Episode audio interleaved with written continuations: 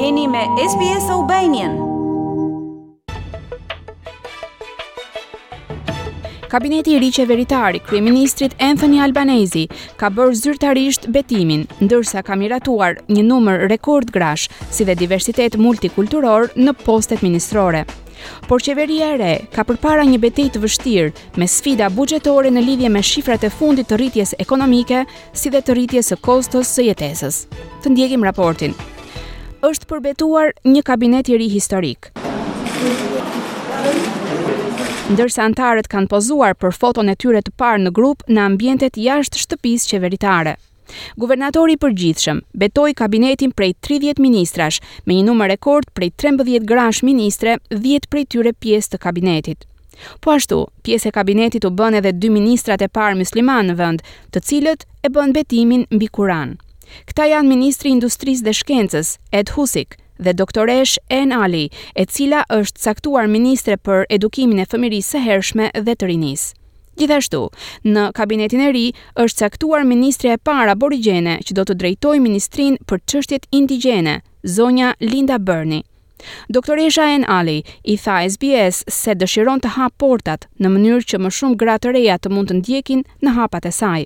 it's really in talking with people who say to me, you know, I want my daughters to be like you, or you know, my daughters finally see themselves in you, that it has really hit home. Duke folur me njerëz që më thonë se vajzat e mia më në fund e shohin veten tek ju, më ka bindur se sa domethënëse, por gjithashtu edhe një përgjegjësi e madhe është që të bëj të pamundurën për të siguruar që një ministre grua si unë të mos jetë e fundit. Ed Husic, i cili është deputeti i parë mysliman i zgjedhur në parlament në vitin dy mijë e dhjetë, tha për SBS se ky është një moment simbolik për të bashkuar vendin. Kjo është një qeveri që pasqyron portretin e Australisë. Tashmë ju e dini që në qeveri do të ketë njerëz që përfaqësojnë komunitetet tuaja dhe mendoj se kjo është e rëndësishme. Ai thotë se dëshiron një diversiteti në parlament të bëhet i zakonshëm, një normë. I think this today it should be seen as the starting standard. Unë mendoj se kjo qeveri duhet parë si një standard fillestar dhe se prej tani ndoshta do të ketë një vëmendje më të madhe në përbërjen e kabineteve dhe ministrive dhe kjo është pozitive.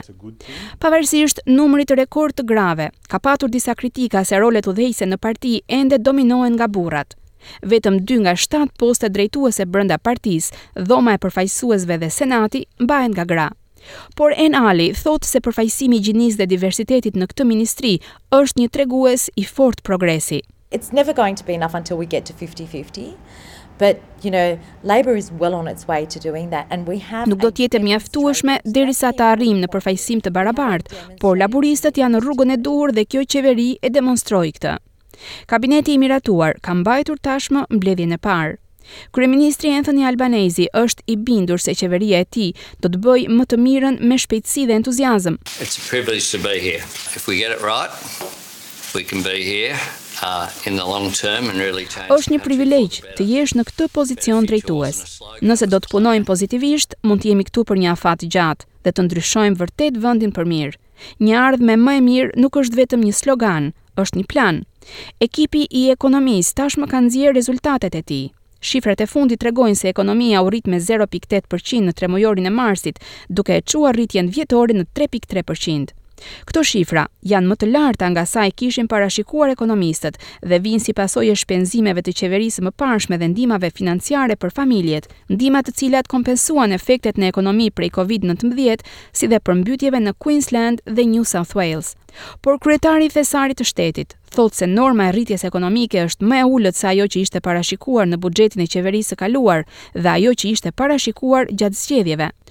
Doktor Jim Chalmers thotë se ndërsa numrat tregojnë një farë përmirësimi në ekonomi, rritja e inflacionit dhe e normave të interesit së bashku me rënien e vlerës së pagave në lidhje me inflacionin e kanë vështirësuar riparimin e buxhetit. These national accounts are a glimpse of the mess that the former government left behind. You can see in these figures. Këto shifra kombëtare janë një pasqyrë e rrëmujës ekonomike që ka lënë pas qeveria e mëparshme. Duket se këto shifra, edhe kur numrat në sipërfaqe duken relativisht të fuqishëm, janë shumë më të ulëta nga çfarë parashikonte ish-qeveria në buxhetin e saj para zgjedhjeve. Doktor Chalmers zbuloi gjithashtu se ka nisur auditimi i shpenzimeve të qeverisë. Auditimi do të monitorojë shpenzimet që bëhen në shërbimin publik dhe do të synojë të reduktojë përdorimin e kontraktorëve të jashtëm. The work has begun with Treasury and Finance and with Katy Gallagher and we hope that the fruits of that effort will be in the October budget. Ka nisur puna me Thesarin dhe Financat dhe me ministren e tyre të re, Katy Gallagher. Shpresojmë që frytet e kësaj përpjekje do të duken në buxhetin e tetorit.